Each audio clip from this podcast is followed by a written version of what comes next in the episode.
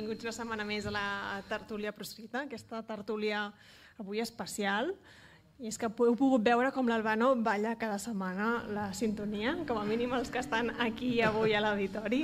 Eh, I els que sou a casa us ho heu perdut, però us prometo que algun dia us ho gravaré i us ho ensenyaré perquè s'ha de veure això. Avui ha, sigut, ha estat tímid, eh, perquè com hi ha 200 persones aquí davant, li ha fet com coseta, eh? No? Bueno. Sí, sí. He començat aquí a parlar i no us he presentat. En realitat, com sempre, cada setmana estic amb el Bernat de Fatxin, Josep Costa, benvinguts. Bona tarda. Amb ganes de fer aquesta tertúlia especial. No ens veiem tant les cares, eh? Avui veig que estem molt enfocats endavant i ens haurem de... És diferent al que estem acostumats. Home, tenim aquí davant eh, cares inquisitorials, no? Eh, eh, expectants i, i bé. Conegudes, també. Conegudes. I ja, puc dir una... És que m'ha agradat molt aquest aplaudiment, perquè mentre estàvem tots aplaudint jo pensava ens estem aplaudint a tots plegats, no? Estem aplaudint al final a que existeixi un lloc com aquest on te compartir idees i on es puguin dir coses que tots plegats creiem que calen ser dites o com a mínim preguntes que, que cal posar sobre la taula i, ostres, trobar-se i aplaudir-se, ostres, jo crec que és molt, és molt Explique, guai. expliquem a aquells que ens estiguin seguint en directe Sí. o que ens estiguin escoltant en posterior eh, per Spotify, a totes les plataformes, que abans de començar l'acte, quan hem entrat, hi ha hagut un aplaudiment. No, que ells no ha l'han- sortit l'aplaudiment? No l'han sentit. Ells han Doncs pues tornem a aplaudir.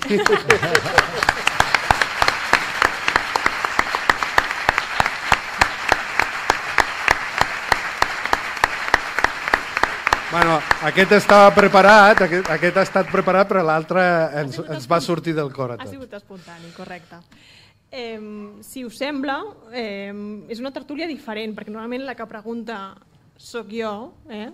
però, però avui pregunten als subscriptors de VilaWeb, a la gent que segueix la tertúlia proscrita, perquè els hem demanat que ens enviessin les preguntes que us volíem fer arribar a vosaltres perquè responguéssiu i així és que si us sembla I que no hem vist no, no ho vist, els... no. Mai, mai veuen res i avui tampoc ho han vist. Confien en mi, suposo. Després de 20 i pico tertúlies ja confieu, no, en mi? Jo confiava en que ens les enviaries. Exacte, sí, no sí, les sí. enviat. Nosaltres Bueno, ens havien fet creure És que, les podíem veure abans, és que en però no les realitat hem els vist. havia dit que els enviaria i tenen raó que no els hi he enviat. Error meu, perdoneu. Eh, però Més espontani. són fàciles, segur que les sabeu respondre. Bueno, hi ha alguna complicadeta, però no passa res. Segur que us en sortireu també. Comencem per el Daniel Bueso, que pregunta aquest 23 de juliol pot suposar una embranzida a la mobilització? Què en sabeu d'una nova organització, plataforma, partit, algun, alguna cosa així, on poder desenvolupar aquesta organització? Sabeu alguna cosa que ens hagueu d'explicar? Eh, A mi m'interessa, en realitat. Um, jo crec que la, la primera mobilització post 23 de juliol és aquesta sala plena.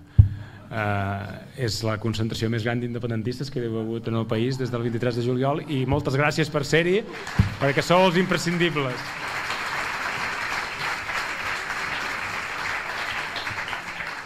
En tot cas, eh, es veu algun pla general no, de la sala, està eh, ben plena i, i hi ha una gentada i per tant eh, no sé si una mobilització específica però ara qui més qui menys si no heu començat les vacances ja, ja toca, molts. Uh, i després de les vacances d'agost ja sabeu que hi ha, hi ha l'11 de setembre, hi ha la diada i jo crec que enguany toca uh, ser més que l'any passat, omplir els carrers Eh, sobretot perquè no podem esperar que ens faci la feina ningú, no podem esperar que el resultat de les eleccions, eh, si ha passat alguna cosa que us hagi agradat o, o no, sigui eh, el, el desllorigador de la situació. El desllorigador de la situació és la voluntat de la gent, és l'organització de la gent i la mobilització. I aquesta, a veure, l'any passat, no ho oblidem, l'any passat no ens volien al carrer, l'any passat ens volien dir, ens volien fer creure que ja no calia sortir al carrer, que ja teníem un govern que s'encarregava de tot, teníem un president que ho gestionava tot superbé i ens va dir que no, que no, que si sortíem al carrer era per anar contra el govern. I, i bé, ens vàrem animar i vàrem sortir al carrer contra el govern, i, i fins al punt que va caure, ja només en queda mig, ara ja li dic al governet perquè és més petit, i, i, el, i el, el, el, la cosa és que enguany enguany hem d'acabar a fer caure l'altre mig, no? Perquè, eh, escolta'm, si hi ha eh, no, la majoria de, de votants eh, independentistes de l'1 d'octubre eh, ja no varen donar suport als partits en aquestes eleccions. No, no sé si heu fet els números. Eh? eh l'altre dia ho vaig mirar, el, el, el màxim de vots independentistes que hi ha hagut en unes eleccions són 2.070.000, que és el 21 de desembre. Eh? I en aquestes eleccions el vot independentista no va arribar als 900.000. Uh, és una xifra històrica a la baixa. Digues. Per tant, diguéssim, uh, hem, estàvem per damunt dos milions i ara estan per sota d'un milió. Uh, però la gent hi som, la gent, molts dels independentistes evidentment no van anar a votar, però no perquè hagin deixat de ser independentistes, sinó perquè han deixat de creure en aquests partits o almenys de confiar en la gent que els lidera. Per tant, eh, ui, ja fa massa estona que estic parlant i encara no he demanat la dimissió de tots els que ens han portat fins aquí.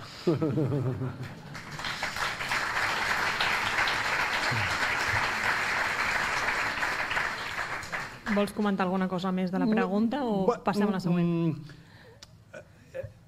diu, um, la, la pregunta de Daniel és que si el 23J, el 23 pot suposar una embrancida la mobilització.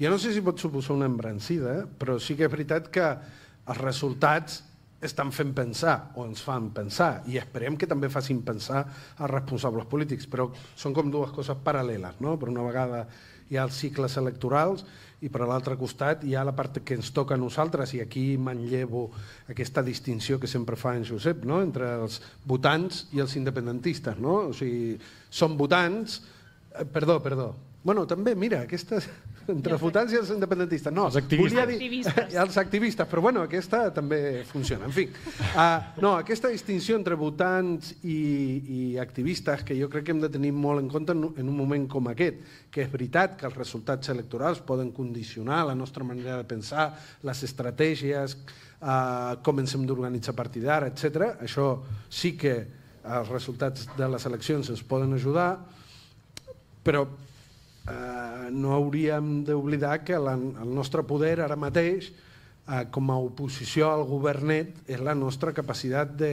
com a activistes de, de moure'ns. No? Jo, en, eh, en, per exemple, en la lluita per la sanitat pública, jo recordo eh, l'any 2011-2012, on eh, moltíssims menys activistes dels que ara estan actius al país eh, podien marcar l'agenda política eh, al govern de llavors, de, recordeu, les retallades i, i la lluita contra la corrupció a la sanitat, i era moltíssima menys gent. Per què ho dic? Perquè de vegades ens volen fer creure que estem en un procés de, no, de desmobilització. És veritat que no som els dos milions i pico que vam sortir l'1 d'octubre al carrer, ja se n'han encarregat, però són moltíssims més dels que ells volen que, que, que creiem i que, i, i, que, i que assumim com a, com a força com a, que tenim. Jo en aquest sentit soc, independent, eh, soc eh, optimista eh, en relació a el que el 23J ens pot donar eh, com, a,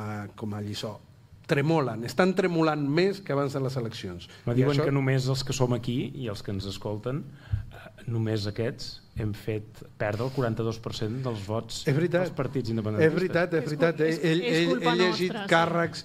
És que... Pues, escolta'm, potser sí. Entre els que som aquí, els que estem a la sala i els que ens escolten... Som activistes. Som activistes.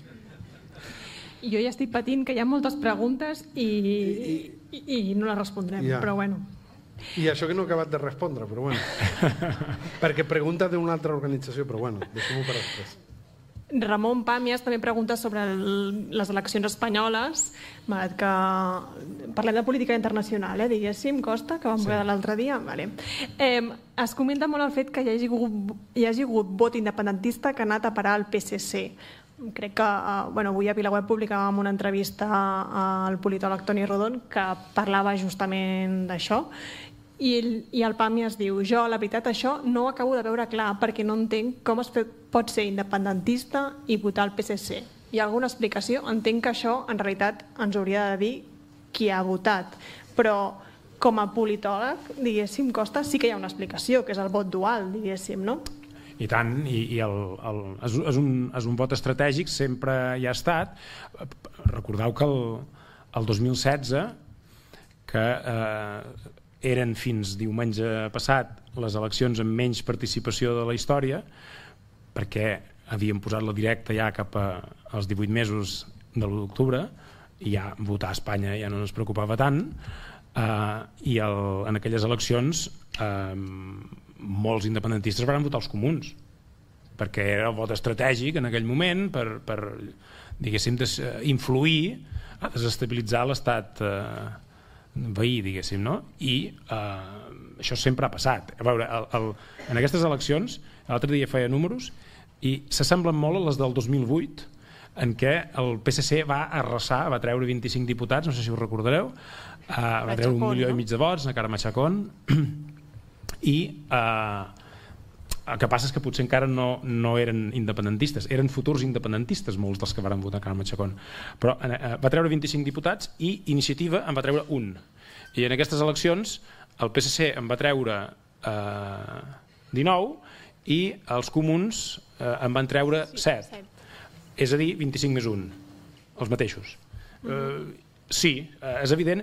Ara, potser podríem mm, fer-ho d'una altra manera. Eh, eh, no sé si vots independentistes han anat a parar al PSC, ara eh, estic eh, seguríssim, i les dades estadístiques ho demostren eh, bastament, que molts votants d'Esquerra Republicana han anat el PSC. Avui ho deia el Toni Rodon a l'entrevista, no? que qui, qui ha portat més vots al PSC ha sigut, ha sigut Esquerra Republicana, encara que també els altres partits ho han fet, perquè aquesta estratègia de la por de el llop, el llop, al final el que afavoreix és això, que sigui un marc espanyol no? i que bueno, ens han situat a tots en el corralet aquest de dir eh, que només podem triar entre que ens malgoverni el PP o ens malgoverni el PSOE. És a dir, si, si l'opció que ens posen davant és que hem de triar a, a, a, el mal menor, entre cometes, no? aquesta cosa tan a, a, dolenta que és el mal menor, a, la gent al final tampoc li va la vida en unes eleccions i, i diu, bueno, si només hi ha dues opcions, perquè a veure, només això ens ho han explicat els, els partits independentistes, ens han explicat a tots que només hi havia dues opcions, o que governaven uns o que governaven els altres. Sí, I per tant, si només hi ha dues opcions, la gent vota una de les dues opcions, és normal. Ah, jo, jo voldria dir eh, una cosa, això del mal menor, el gran problema que té és que normalment qui tria el mal menor ràpidament oblida que ha triat el mal, que després és menor o major, però és el mal, i cal recordar sempre que el mal menor és el mal. Dit això, eh, jo penso que al final la gràcia és que els activistes i també en aquest, en aquest conjunt poso eh, els partits, els seus mitjans de comunicació, ells també fan el seu activisme, han aconseguit que la pregunta de les eleccions fos una. Vols aturar un govern del PP i Vox? Ells han aconseguit que la pregunta fos aquesta. I llavors, eh, com que s'han imposat, la gent ha respost en aquesta clau, perquè evidentment per aturar un govern del PP i Vox, el millor, si el teu objectiu és aquest, el millor és votar al, al PSC a Catalunya. És a dir, aquí la pregunta no és per què aquesta gent ha votat, per què, si és que ha estat així, que han hagut independentistes que han votat al PSC, jo crec que no és tant aquesta la pregunta, sinó que la pregunta és com és que el moviment independentista s'ha deixat prendre la cartera d'aquesta manera i no ha sapigut posar sobre la taula quina era la veritable pregunta que s'estava eh, a la qual s'estava donant resposta en aquestes votacions. Llavors, s'ha triat el mal menor, perquè jo crec que ningú ha deixat de ser independentista. Ara bé, la qüestió és que ells han aconseguit que la pregunta important fos aquesta. I totes les altres pues, que quedin per darrere. I quines són totes les altres? Pues, són moltes que haurem de nosaltres com a activistes continuar defensant. Eh, des de el fet d'haver d'explicar que aquesta setmana eh, la Fiscalia continua demanant molts anys de presó per joves, eh, per joves que fan manifestar a Faig un petit parèntesi, les xerrades que participem en Costa Rica París, sempre hi ha una pregunta que no sé si està aquí, que és on són els joves? Doncs els joves estan patint la repressió a, mentre el govern els hi dona l'esquena. I això també cal dir-ho, i això també és el mal menor d'aquest governet.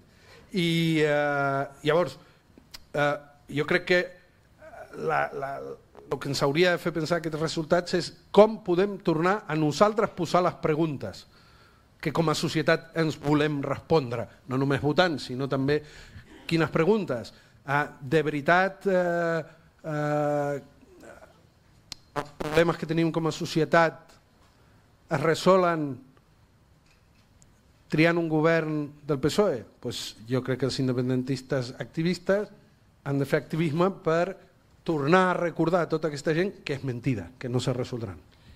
Però sí que és veritat que, és a dir, tots coneixem gent propera que, que ha votat socialistes, diguéssim, i que és superindependentista, superactivista. Bueno, sí, Sí. la coneixem, però és perquè, perquè la, la, la batalla estava perduda abans. No, aquesta gent, ara, perdoneu, que no se sentia correctament, que, que dic que conec molta gent que, bueno, molt, No, eh, és a dir, to, tots coneixem gent que ha votat el PSOE perquè a, al final a, qualsevol partit, és a dir, hi havia dues opcions en aquestes eleccions, ens ho han explicat ells, els partits que es presentaven a les eleccions ens han explicat que hi havia dues opcions, hi havia el PP, un partit que era com votar el PP, perquè donava els seus vots en el PP, i uns altres que ens deien que votar-los a ells era votar indirectament eh, contra el PP, per tant, en el PSOE, perquè al final votar contra el PP en aquest eh, escenari és votar el PSOE. I, lògicament, jo crec que hi ha hagut una reacció d'alguns, potser és paradoxal, eh? però, però jo, jo, em consta que ha funcionat així en, en, en, en molta gent, que és que hi ha hagut gent independentista que està desencantada, emprenyada i que no, no vol votar els mateixos partits de sempre, amb els mateixos líders de sempre que ens han portat a, a, a l'ensolciada en la, en que estam, que davant la tesitura de decidir qui governa Espanya perquè no podem decidir encara o no podem fer efectiu que deixi de governar-nos Espanya, que és el que ens importa, ens han dit, mira, com que no vull mm, votar els mateixos partits amb els mateixos líders de sempre, doncs mira, votaré el PSOE, que és una manera també de castigar els independentistes. Jo crec que alguns eh, votants han fet aquest eh, raonament. farem així, correcte, mentre arreglen el micro. Em, següent pregunta. Eric Cagasas Joana pregunta Penseu que l'abstencionisme ajuda a avançar cap a la independència? Anava a dir, us han acomptat. Jo, i- i- jo crec que... Tu, eh? Contestaré jo, començaré contestant ja, si et sembla. Jo, jo crec que no. Uh, jo crec que no. L'abstencionisme no ajuda a avançar cap a la independència, Uh, no, és una, no és una estratègia perquè ens faci fer un salt qualitatiu endavant cap a la independència. El que, uh, el que passa és que si la gent no vota les opcions que es presenten a les eleccions és 100% culpa dels que es presenten a les eleccions que no interpel·len, que no convencen i que no motiven a la gent per anar-los a votar. Eh, és així, és a dir, per tant, no, eh, no s'avança cap a la independència si els partits no aconsegueixen convèncer la gent que els voti. És tan clar com això. Em diuen que ja funciona. Ah, sí, molt bé. Sí, perquè això de donar el, el micro a mi em costa, eh? Ja, ja. Ho he fet, he fet una excepció, eh? però escolta'm, no, jo, a, a, el, la qüestió de la- de la- de l'abstencionisme, la, a mi hi ha dues coses que, que em semblen interessants d'això que ha passat en, al voltant de l'abstenció. La primera, jo crec que sempre és bo que hi hagi un debat, mm, és a dir, aquesta cosa dels vots ja que ja estan assignats i per més malament que jo ho faci m'has de votar a mi perquè no hi ha res més, jo crec que eh, plantar-se davant d'aquest xantatge jo crec que és bo i que un moviment que un moviment eh, polític com a mínim es plantegi i sospesi aquesta possibilitat crec que és bo perquè si no els partits no tenen cap eh, eh, diguéssim eh, interès a redreçar o, o, o a canviar algunes coses perquè al final els partits no responen a, als vots és la seva comptabilitat no? i per tant no només l'abstencionisme sinó votar altres partits forma part del joc democràtic i és una manera que, que tenim els ciutadans d'enviar missatges hi ha gent que ho ha enviat amb abstenció, hi ha gent que ho ha enviat amb vot nul, hi ha gent que efectivament ho ha enviat aquest missatge de descontentament a, a votant al PSC o a Sumar. Dit això, i tornant a aquesta idea dels activistes, uh, independentment de si després va haver-hi o no molts vots uh, abstencionistes, crec que sí que ha estat un petit èxit que una sèrie de gent a través de les xarxes socials, a través dels whatsapps, hagi pogut posar nerviosos els partits. Recordeu que va haver uns quants dies on tots els partits, les editorials dels diaris, diaris per ser ultrasubvencionats, que avui Vilaweb publicava, no sé si ho heu llegit, el document aquest. És a dir, durant uns dies, una sèrie de gent, probablement una minoria molt minoritària, va ser capaç de posar-los nerviosos i de que des de la CUP, Junts, Esquerra i, i els diaris i les tertúlies, tothom carregant molt fort contra, contra la idea de l'abstencionisme. Contra la idea, ja no eh, contra l'abstencionisme, sinó que Eh, I crec que això és una victòria. Però n'han no? acabat fent més propaganda als partits que no bueno, les xarxes socials. Escolta, més com lo del setembre que explicaves l'any passat. Al final, al final és això, és a dir, l'abstenció ha estat una opció, diguéssim, mm, d'alguna manera coneguda per tothom o, o, o, o normalitzada en aquestes eleccions perquè els propis partits l'han normalitzat i l'han convertit en un dels seus adversaris. I, i, i, i com deia abans, mm, eh, aquí si algú eh, es presenta a les eleccions, si no aconsegueix que la gent el voti, ha fracassat. I ja està. I, a, bueno. aquí, això de donar la culpa a la gent perquè, perquè es retiri la confiança, perquè et retiri el vot o perquè voti alguns altres, això no és propi d'una ciutat madura com la nostra. Per, si algú ha perdut vots o, o, o s'assembla que no ha tret els objectius en resultats que esperava, que dimiteixi. Eh, Això, això, del, això del traspàs de les responsabilitats també ho hem vist a les xarxes quan gent, dirigents dels partits, li demanaven als abstencionistes quin era el pla. Quan en realitat són els partits els que se presenten i per tant, si ets tu que te presentes, ets tu que ha de dir quin és el pla. I ells feien aquesta cosa tan perversa de girar-ho i dir i quin és el pla dels abstencionistes? Escolta'm, per començar, no enganya ningú.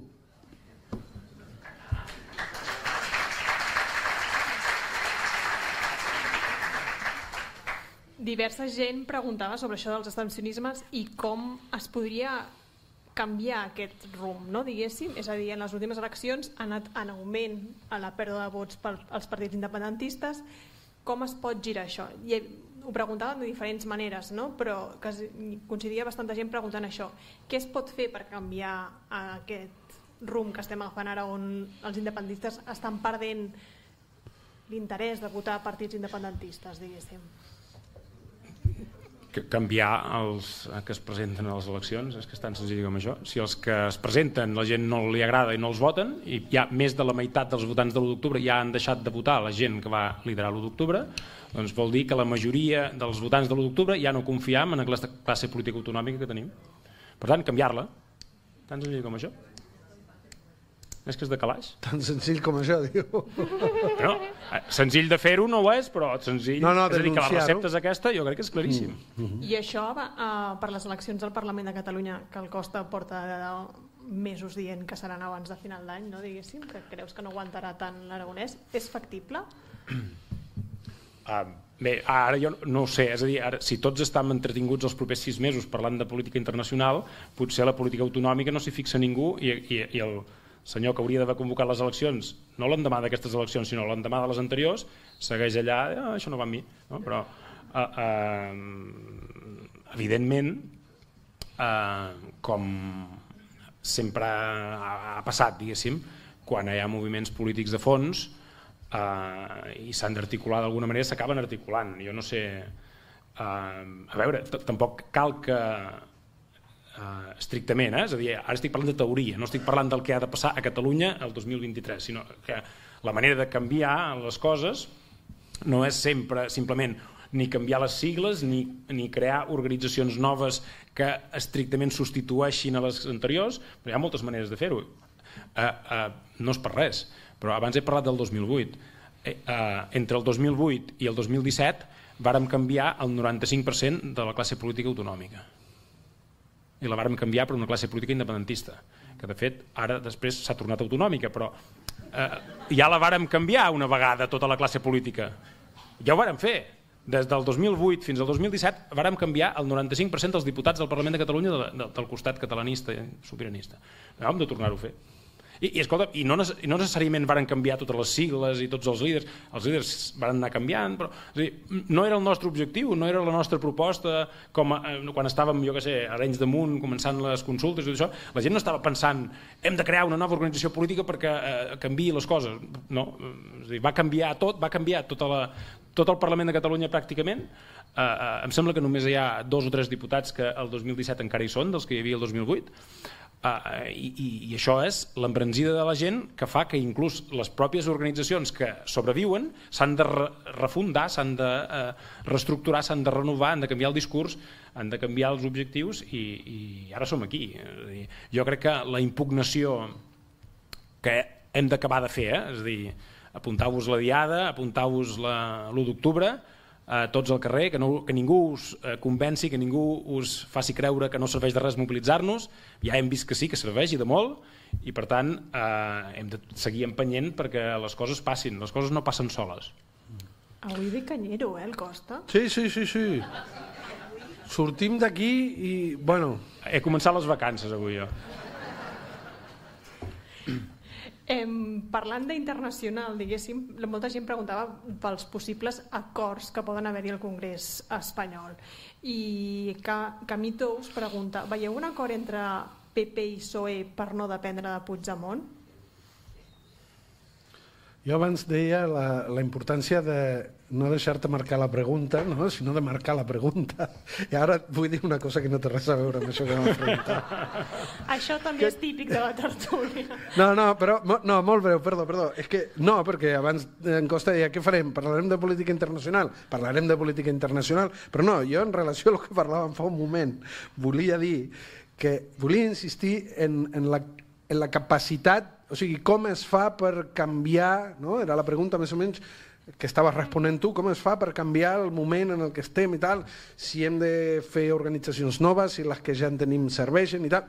I tu deies, entre el 2008 i el 17 eh, la gent és capaç de canviar tota aquesta estructura i per què passa això? Perquè, eh, entre d'altres coses, a Arenys hi ha un moviment molt minoritari, no recordem-ho, que és capaç d'imposar-li la pregunta a tothom també aquests partits que eren autonomistes, que potser no ho han deixat de ser en cap moment, però com a mínim no podien actuar com a tal perquè la gent havia aconseguit posar la pregunta. Ho dic perquè, eh, clar, ara sabem que aquella gent d'Arenys va fer això. En aquell moment no ho sabien. Uh, ara sí que ho sabem. Quin és fet, la... gent molt espavilada uh, va dir que eren quatre friquis que no se'ls havia de fer cap cas en ah. d'Arenys. Eh? Per he tant... Dir, he de dir, perdoneu, com Arenys de Mar, Arenys de Munt. He dit de mar?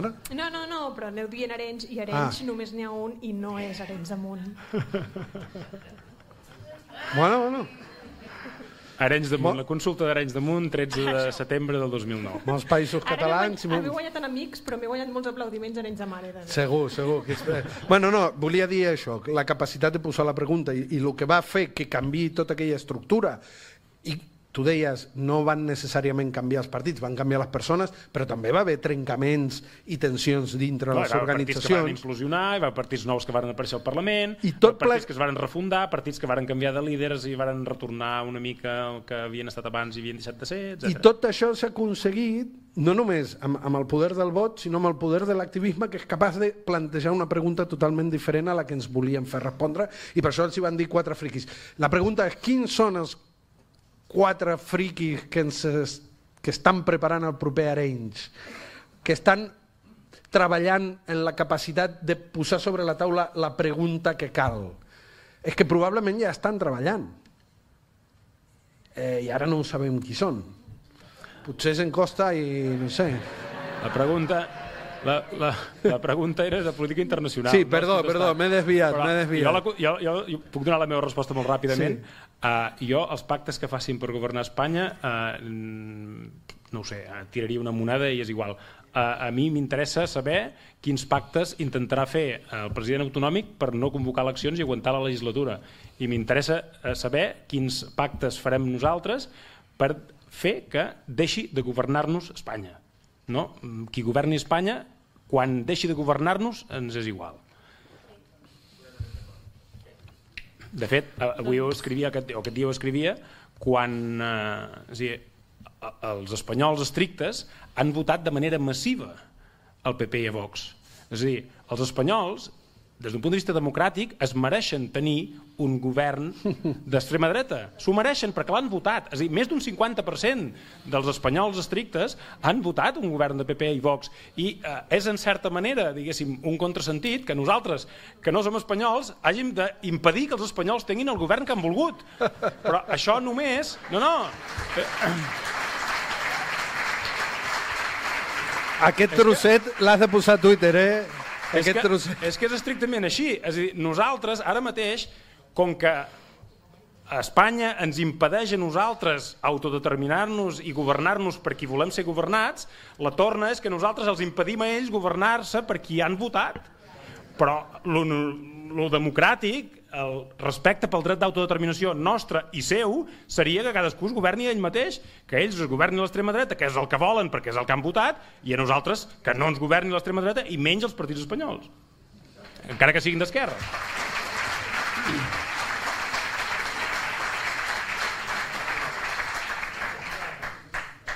Sé que el Costa diu que no vol parlar d'acords, però hi havia moltes preguntes al respecte perquè també eh, hi ha molta gent que es pregunta si creieu que Junts eh, aguantarà sense, fer, eh, sense pactar amb Pedro Sánchez i l'Anna Maria Garriga també preguntava com, serà com es percebrà aquesta posició ferma de Junts a Europa, que com creieu que, que es pot entendre. De moment s'ha de dir que Europa ha entès que, que Puigdemont era clau.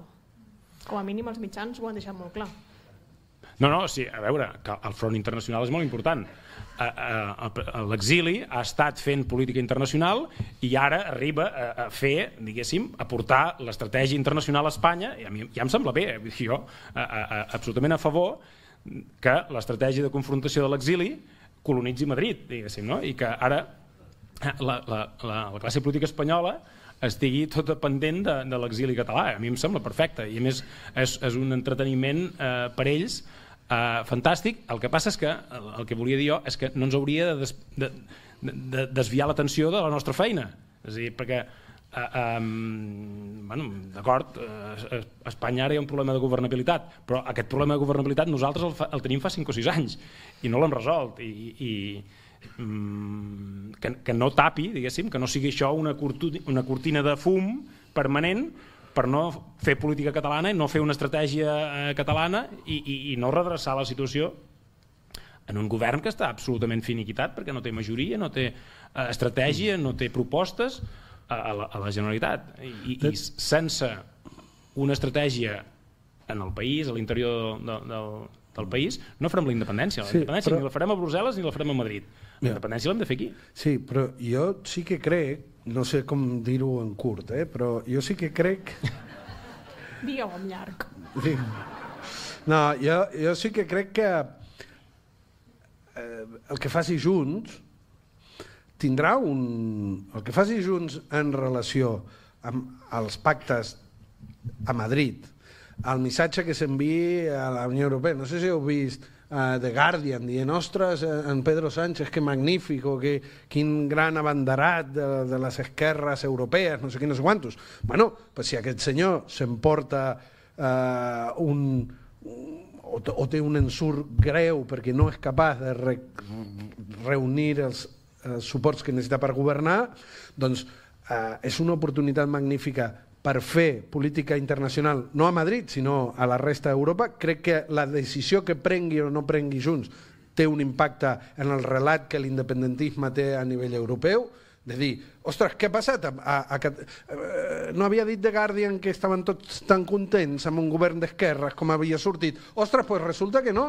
I sembla que hi ha uns, que són els catalans, pues que no ho veuen tan clar, aquest Pedro Sánchez. Llavors, això una. I després, de cara a dintre, que jo també estic d'acord amb que, amb que és el més important i el que hauria de centrar els nostres debats,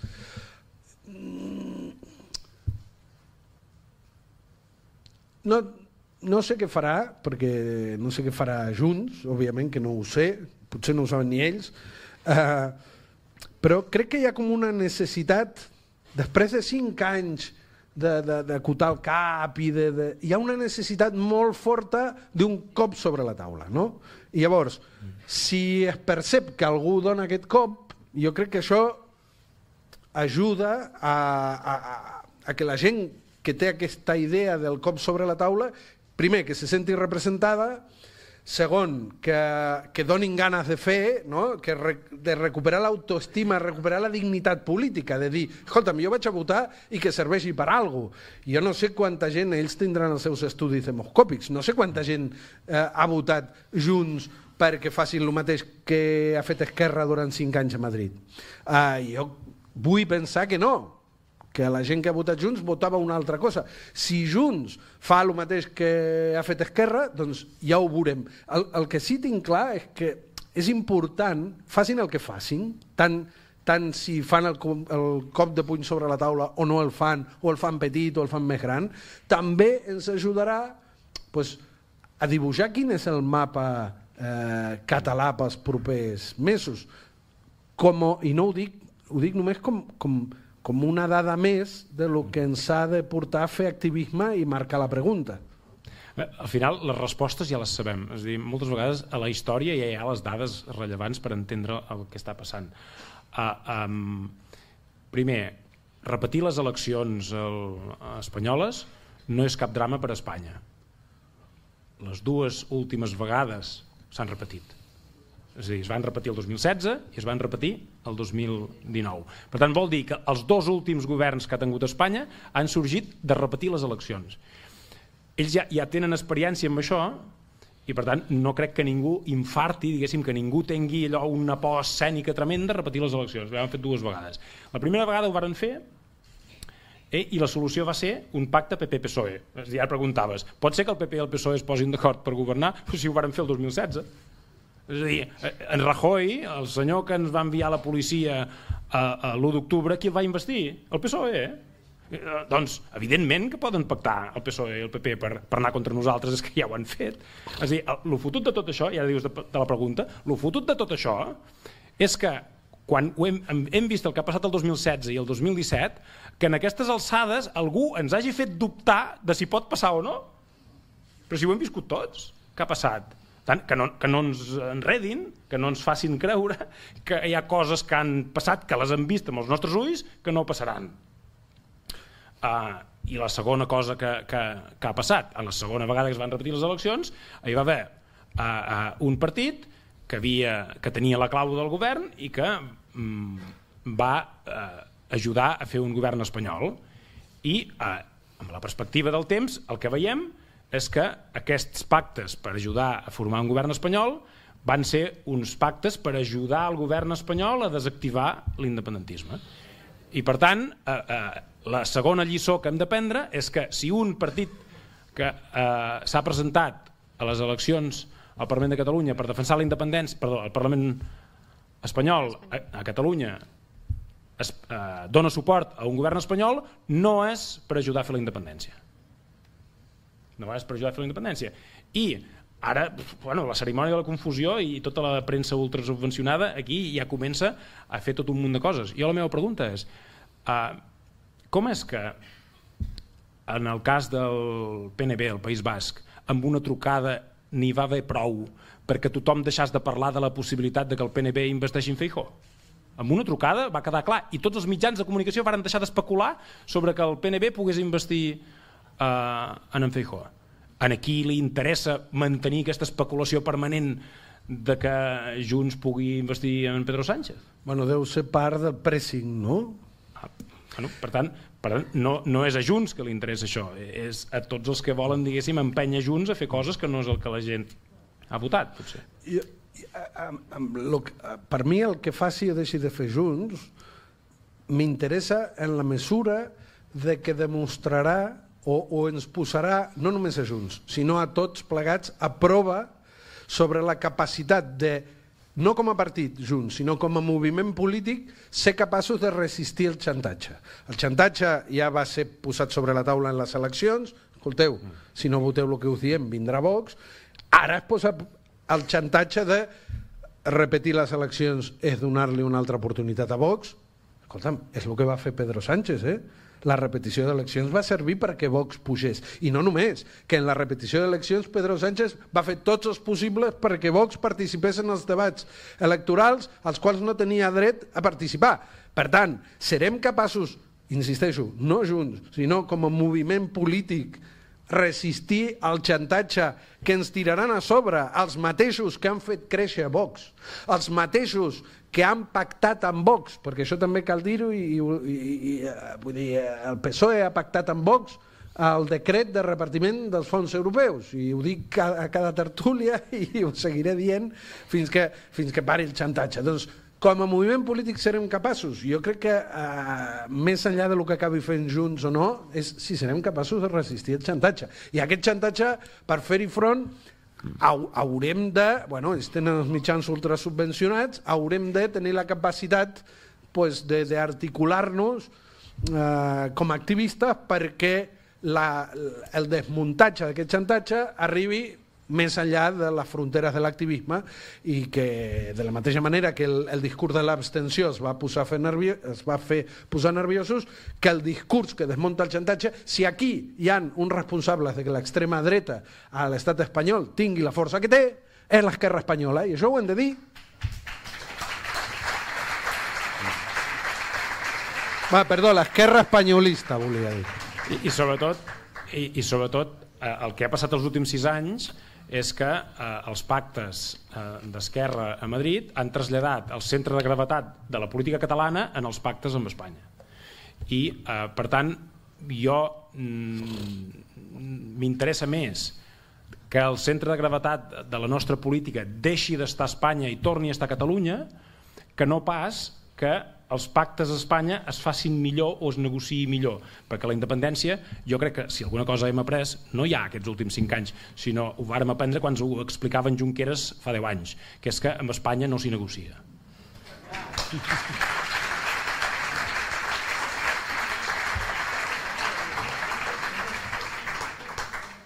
Albano, ara parlaves de l'esquerra espanyola i... Espanyolista. espanyolista. Sí, perdó, espanyolista. Eh, aquests dies estic veient una cosa per xarxes, diguéssim, que és que ja s'estan barallant també entre ells. Uh -huh. És a dir, que si hi ha una repetició, potser sumar, no sé si sumarà. Ja. Què bueno, penses? bueno eh, mm, el, el, el xantatge com a eina de fer política, Yolanda Díaz va agafar i va agafar tothom, el va posar en, aquell, en aquella bossa, en teoria per treure uns grans resultats que finalment no han arribat i ara es comença a veure com o, o des de Compromís o des del mateix Podemos comencen a reivindicar autonomia política dintre del grup parlamentari. Ah, això que sembla tan eh, asèptic és una guerra total que veurem i que jo crec que l'independentisme hauria d'esperonar i ajudar-los i ajudar-los a que s'esbudellin. Quan, no, no, ho dic molt en sèrio, va haver-hi un dels grans moments de la campanya electoral a Catalunya quan un periodista, no recordo qui, li va preguntar a l'Aina Vidal que què pensava sobre que eh, Yolanda Díaz hagués dit que d'autodeterminació res de res. I Aina Vidal va dir, això li hauria de preguntar a Yolanda Díaz. Bueno, ostres, aquí hem d'entrar a saco. Ens estan enganyant, són uns venuts, no els importa res. Doncs, pues, escolta'm, ara estan amb els, eh, esmolant els ganivets d'una manera brutal i jo crec que això és una oportunitat. De, de fet, l'esquerra espanyolista, si una cosa ha fet, i, i ho dic perquè tots tenim un passat, i escolta'm, al final les estratègies són bones o no, no depenent de si estàs d'acord o no, és si funcionen. I una de les grans estratègies de l'esquerra espanyolista ha estat eh, fer contradir i fer tensar a les esquerres catalanes. Doncs li hem de tornar al cop. O sigui que sí, que estic molt d'acord amb Pablo Iglesias de que faci saltar pels aires el grup parlamentari de Sumar.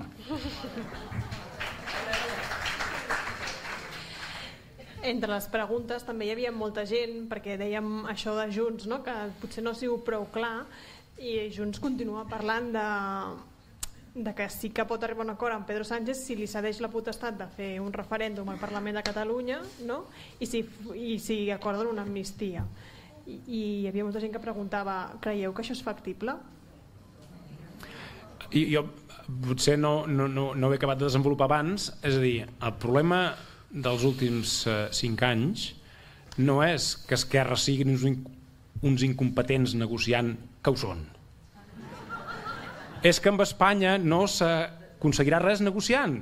Aquest és el problema. El diagnòstic és aquest. És a dir, sí, Esquerra no han aconseguit res perquè són uns incompetents, és que no han aconseguit res ni per l'autonomia.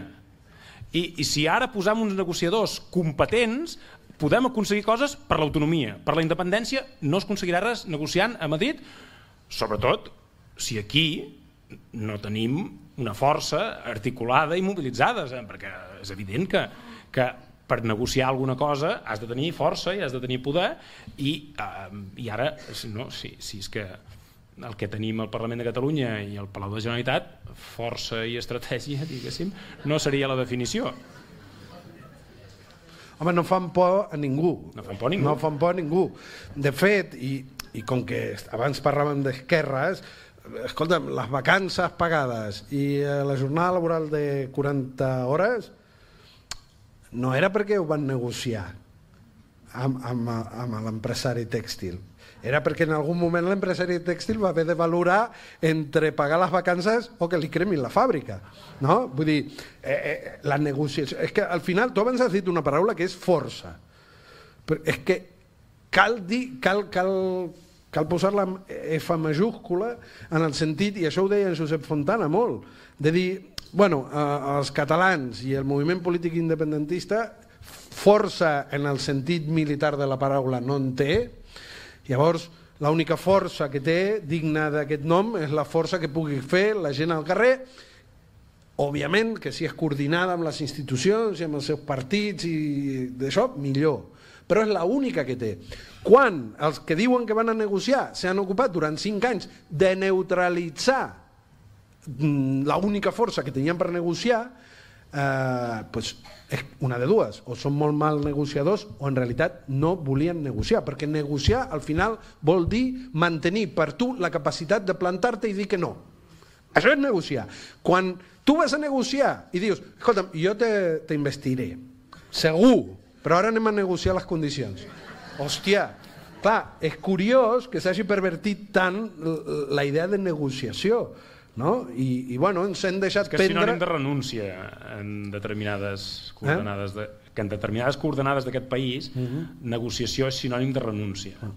I, I sí, eh, abans deia que són eh, uns incompetents negociant, però renunciant s'han lluït. S'ha de saber també. Sobretot, és a dir, aquesta, aquesta és una altra que a mi em fa molta gràcia aquests dies, uh, són tots aquests articles i tuits eh, de gent de l'òrbita d'esquerra dient però si en els bascos els hi va tan bé això de no ser un problema, tothom els vota. Els de Bildu han cuidat guanyar les eleccions. El PNB ha perdut 100.000 vots. Ningú parla aquí, eh? però 100.000 vots de 300 i pico mil que en tenien. Quasi una tercera part dels vots ha perdut el PNB mm, eh, vull dir que coses passen també per allà. Però eh, eh, tothom dient ostres, si Bildu que han renunciat a qualsevol estratègia eh, no hi ha violenta que afortunadament ha renunciat però de, de mera confrontació i, i que ja són una esquerra diguéssim perfectament homologable en el règim del 78 quasi quasi doncs com pot ser que els hi vagi tan bé electoralment i aquí a, a nosaltres no ens vagi bé és, és el que es pregunta no? l'òrbita d'esquerra eh, jo la trobo fantàstica aquesta pregunta perquè és a dir t'estan confessant el que volien fer és a dir, que volien fer el mateix és a dir, volien aconseguir rèdits electorals de la renúncia i la rendició. I, per tant, la gran notícia de les últimes dues eleccions és que no funciona.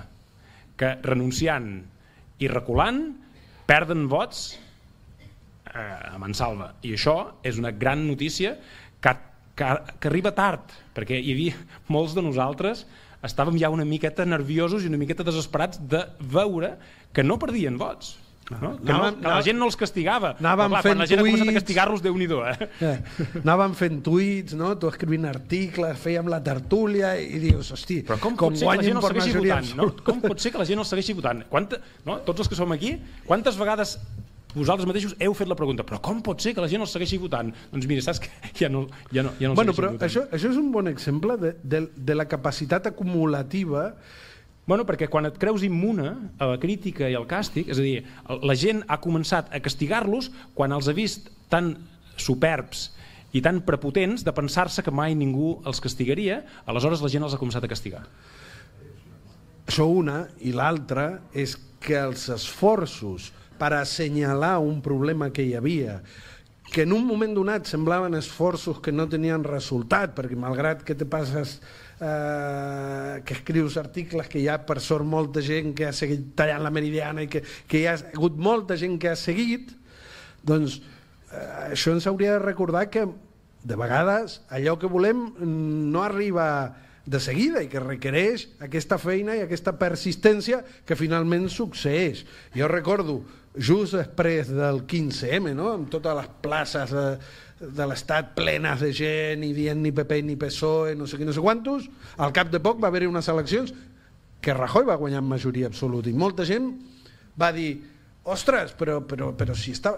Bueno, perquè els canvis de vegades requereixen més persistència, no? I jo crec que aquest aprenentatge també és bo que el moviment in- independentista eh, l'estigui fent, no? Per què? Primer, perquè resulta que la, la mala notícia és que les coses mm, costen i s'ha d'empènyer molt i segurament s'haurà d'empènyer encara més eh, i la bona notícia és que, que al final les coses caen pel seu propi pes si aquells que ho veuen des del principi no renuncien a ajudar que ho vegi més gent. Per tant, jo crec que és bona notícia. I tant.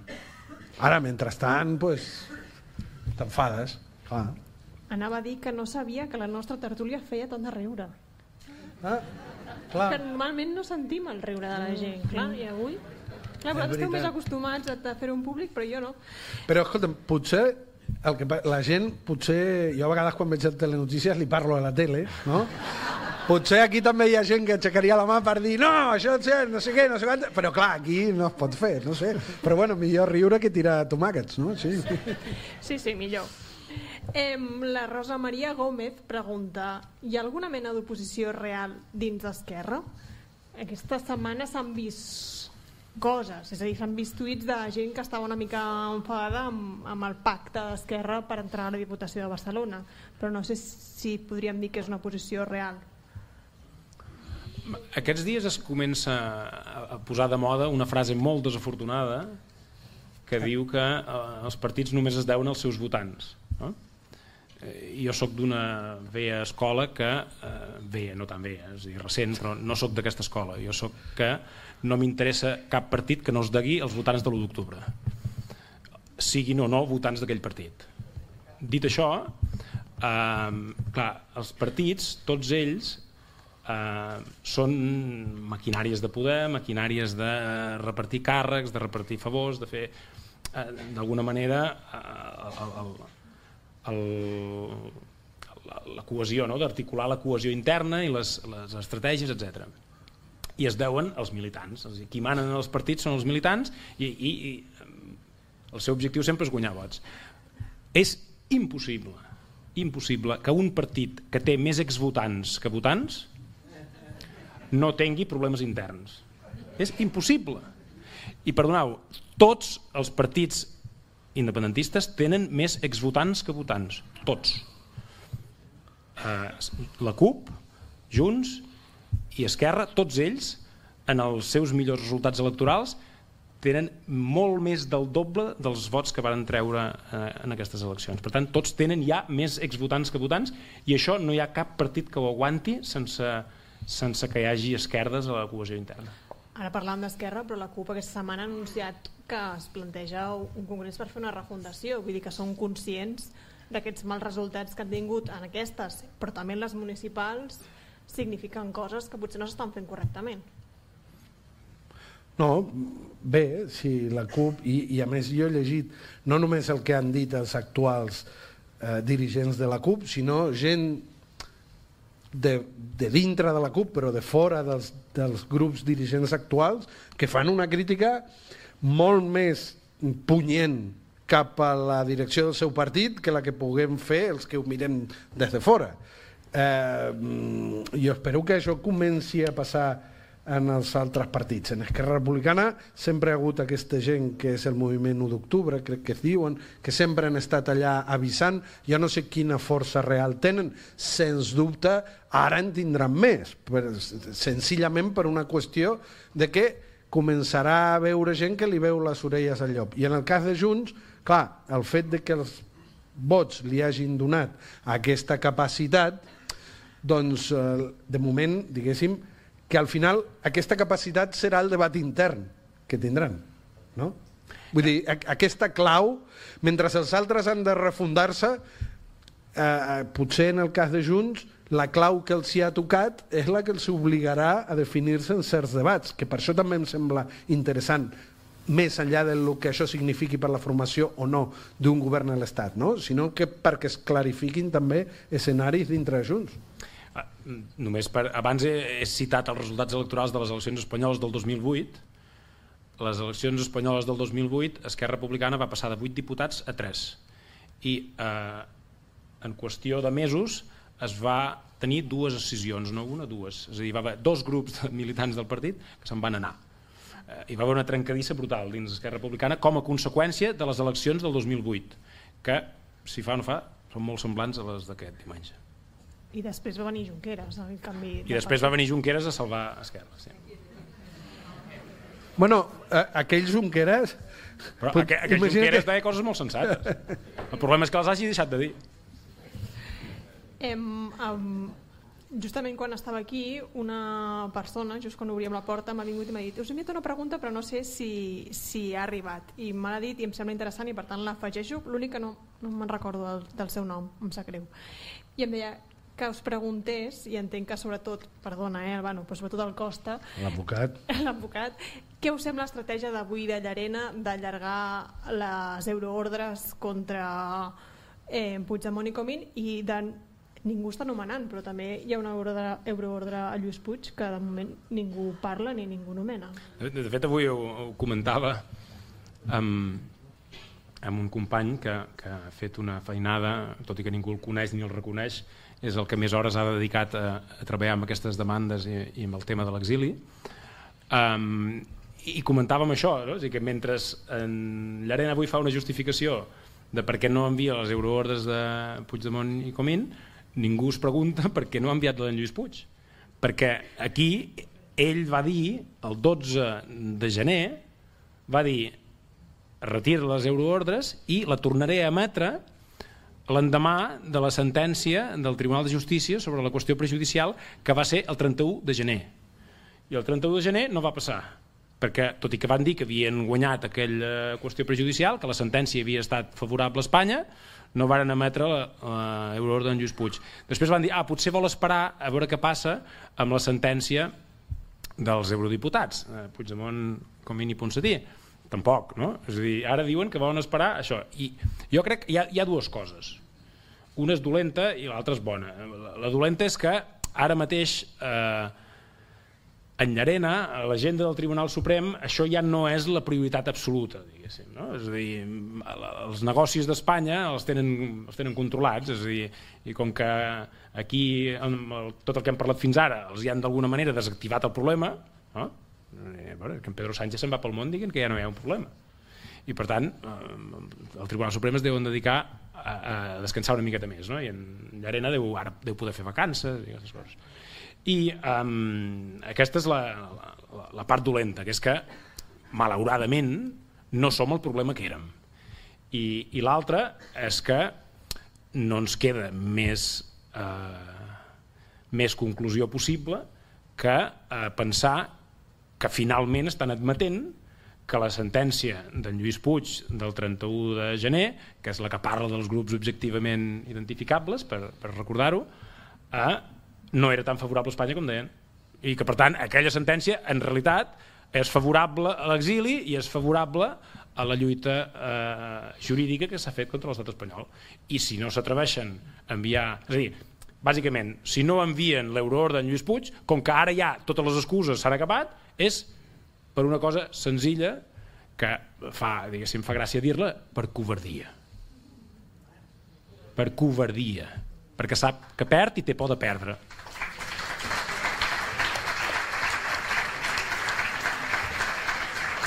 Em fas un tuit, eh, també, amb això.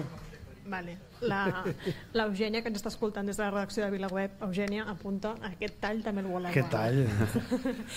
Eh, anava a dir-vos, no tinc l'Aleix, avui no tinc els àudios i no tinc l'Aleix, està allà, diem-me, porteu una hora, però portem una hora, us he de dir, i per tant hem d'anar acabant, però abans us volia dir, no sé si voleu afegir alguna cosa abans de posar punt final a aquesta primera temporada de la tertúlia proscrita. Tenim una altra hora? O... No. Ja hem contestat totes les, totes les preguntes? Sí, perquè algunes que, no, que ja estaven posades les deu autorrespost vosaltres mateixos, per tant ja no us les he arribat a fer. Bueno, mira, jo el, el, el, el que vull dir, aviam si m'he explicar. Clar, que, que ens facin preguntes com si nosaltres puguem respondre. Al final, crec que moltes vegades, i algunes persones m'ho han dit, diu, és que moltes vegades en compte eh, feu més preguntes que respostes, no? I jo crec, jo crec que, que això, a mi quan m'ho han dit, eh, ho he sentit com un elogi. És a dir, al final ens ajuntem a fer-nos preguntes sobre el que estem veient. És veritat que nosaltres ens toca tenir el, el micro, però a mi aquest acte de veure's les cares i veure ja en els comptadors de visites, no? com, com la gent s'ho mira, jo eh, me fa il·lusió pensar que, que, que l'èxit que, que té aquesta proposta de, de reunir-nos a parlar no és tant de, de, de saber trobar respostes, sinó de plantejar-nos preguntes. I insisteixo, Arenys de Munt, justament eh, el que van aconseguir va ser posar la pregunta sobre la taula. Doncs posar preguntes sobre la taula jo crec que, que és molt in interessant i que també és interessant que sigui un procés col·lectiu. Ara ens toca a nosaltres, però al final tots participem en diverses tertúlies, en les tertúlies familiars, en les tertúlies d'amics, en les tertúlies de WhatsApp, que de vegades són molt potents, les hem de conservar, les hem d'esperonar, hem de compartir... Eh, eh, això també és herència de l'1 d'octubre, tots aquests grups que es van crear de gent que en una altra ocasió no hagués estat en el mateix grup de WhatsApp però que allà hi és. Totes aquestes connexions són també eh, d'on te sortirà la capacitat de, de, de reprendre el camí. Sortirà també d'això. O sigui que eh, tot això perquè ho deia... Ah, compartiu les tertúlies. I gràcies. Jo ara que deies de, de les preguntes, eh, jo ten, vaig tenir, eh, devia ser la primera assignatura de, de Ciències Polítiques que vaig estudiar, un professor molt bo de teoria política que deia que l'important en, la, en la teoria política era fer-se les preguntes correctes, eh, que no era tan important tenir respostes diguéssim, definitives o, o respostes eh, satisfactòries a totes les preguntes, sinó que l'important de la teoria política era fer-se les preguntes correctes. Uh, bàsicament també, això després t'explicava perquè clar, la, la, la filosofia política la teoria política fa 2.000 anys que es fan les mateixes preguntes i no ha deixat de fer-se-les, per tant vol dir que les respostes no són fàcils. Però uh, uh, jo vull trencar una llança a favor de, del, que deia, del que deies ara Albano que és que uh, hi ha una cosa pitjor que no tenir respostes a les preguntes. I crec que en aquest, aquesta cosa l'hem patit últimament i l'estan patint bastant la cosa pitjor que no tenir respostes a les preguntes és fer-se les preguntes equivocades. Mm? És a dir, si no, tens, si no et fas les preguntes correctes, estàs pitjor que si no tens respostes a preguntes equivocades. Per tant, jo crec que, eh, no ho sé, diguéssim, eh, si estan fent preguntes que la gent considera que són correctes, l'hem encertat. I, per tant, Uh, només em queda agrair a VilaWeb haver posat a disposició de tots vosaltres aquest espai per fer-nos les preguntes correctes i entre tots, col·lectivament, uh, donar-nos respostes. I col·lectivament ho hem de fer. I una de les coses, aquests dies uh, ho, ho he llegit i, i, i he pensat, un dels problemes que té l'independentisme és teòricament es diria d'acció col·lectiva, que és bàsicament de coordinació, de posar-nos d'acord. Uh, però posar-nos d'acord no es fa necessàriament asseient-se en una taula i negociant. Aquesta és una de moltes maneres de posar-se d'acord. Uh, una manera fantàstica que hem tingut els independentistes de posar-nos d'acord és sortir al carrer amb una bandera i una samarreta i que tots els altres hi vagin darrere, posar una estelada al balcó i que tothom posi l'estelada al balcó, posar un llaç groc i que tots s'omple llaços grocs, això són maneres de coordinar-nos. Són maneres de demostrar que som molts. Són maneres de demostrar que no estem sols. Eh? I això és molt important. Quan fas política, quan saps, evidentment, tots nosaltres, tots els que som aquí, volem la independència. Els que volem la independència sabem perfectament que per fer-la ens cal que la majoria vulgui la independència, no? que la majoria del país vulgui la independència. I com ho sabrem? Votant. No? Ja, ara ja ho sabem perquè ja hem votat i ja hem guanyat. I per tant sabem que la majoria vol la independència. Però com hi hem arribat? Doncs demostrant-nos mútuament que tots ho volíem i a poc a poc ens anàvem coordinant amb un símbol, amb un altre. Eh? Això que ens han moltes vegades dit que els símbols no eren importants, els símbols són molt importants per coordinar-se i per posar-se d'acord entre altres coses, no? si no els de Ciutadans i, tota aquesta, i les juntes electorals i els tribunals no haurien pres tantes molèsties en retirar els símbols de, de l'espai públic, perquè els hi feien nosa, perquè ens ajudaven a demostrar que érem majoria, que, que dominàvem el territori, que érem a, a, la força que es feia les preguntes i tenia les respostes. I per tant, eh, aquesta és una lliçó que també eh, l'hem d'aprendre. I parlant tots nosaltres, compartint les tertúlies, jo crec que els que som aquí ho, no, ho estan fent, l'enviam als amics, als coneguts, als familiars, els grups de WhatsApp en aquests que discutim, ei, avui la tertúlia han dit això, és interessant. Uh, sobretot avui és interessant perquè les preguntes les heu fet uh, vosaltres i compartiu, coordinem-nos. Aquesta és la... Jo crec que la, la, la clau o la conclusió que m'agradaria deixar de totes aquestes tertúlies és fem-nos les preguntes correctes que ens ajudin a coordinar-nos, anar junts i a guanyar.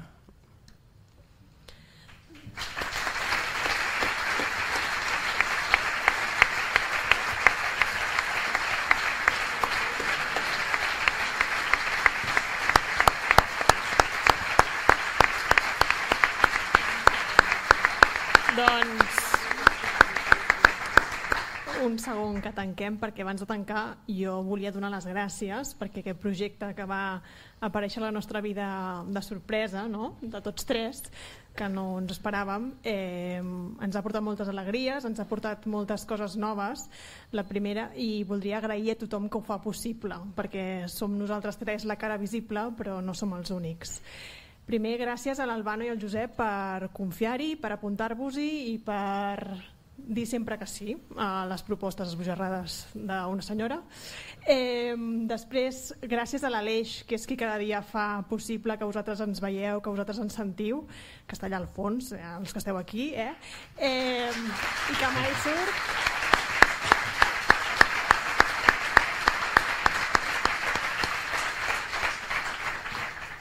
I l'Aleix també amb la Bet i l'Arnau que també l'ajuden a fer-ho possible i que ens ajuden, també aquells que estan a la redacció de VilaWeb i que tampoc es veuen i que avui tampoc hi són, però sobretot l'Enric amb l'ajuda de l'Eugènia i en el seu moment també amb l'ajuda de la Júlia Cells a tots els redactors de VilaWeb que estan apuntat quan els hem dit podeu venir a explicar-nos una, una, dir una història, una notícia, eh, ajudar-nos a entendre-ho millor. L'Esperança des de València, l'Odei, l'Ot, l'Andreu, el Josep, l'Oriol, la Núria Cadenes, tots milions de gràcies per apuntar-vos-hi sempre i, i sobretot gràcies a vosaltres per seguir-nos, per escoltar-nos, per eh, compartir tuits, no? per compartir la tertúlia, trossos, Eh, tot, moltíssimes gràcies per la confiança i nosaltres marxem de vacances, bueno, marxen ells de vacances, jo em quedo a Vilaubet perquè crec que ve un agost una mica mogudet, però eh, al setembre ens tornem a veure per, per continuar amb la tertúlia proscrita. Així que moltíssimes gràcies i fins a setembre.